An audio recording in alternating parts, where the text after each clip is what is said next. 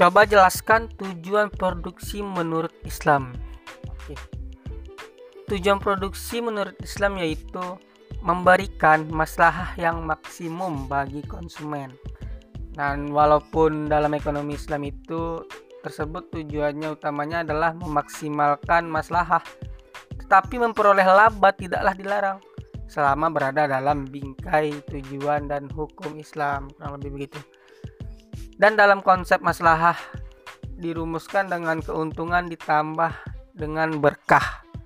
Dan keberkahan ini dapat dicapai jika produsen menerapkan prinsip dan nilai Islam dalam kegiatan produksinya.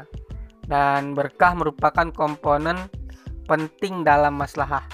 Oleh karena itu, eh, bagaimanapun dan seperti apa pun eh, pengklasifikasinya, berkah harus dimasukkan dalam input input produksi. Sebab berkah mempunyai andil nyata dalam membentuk output.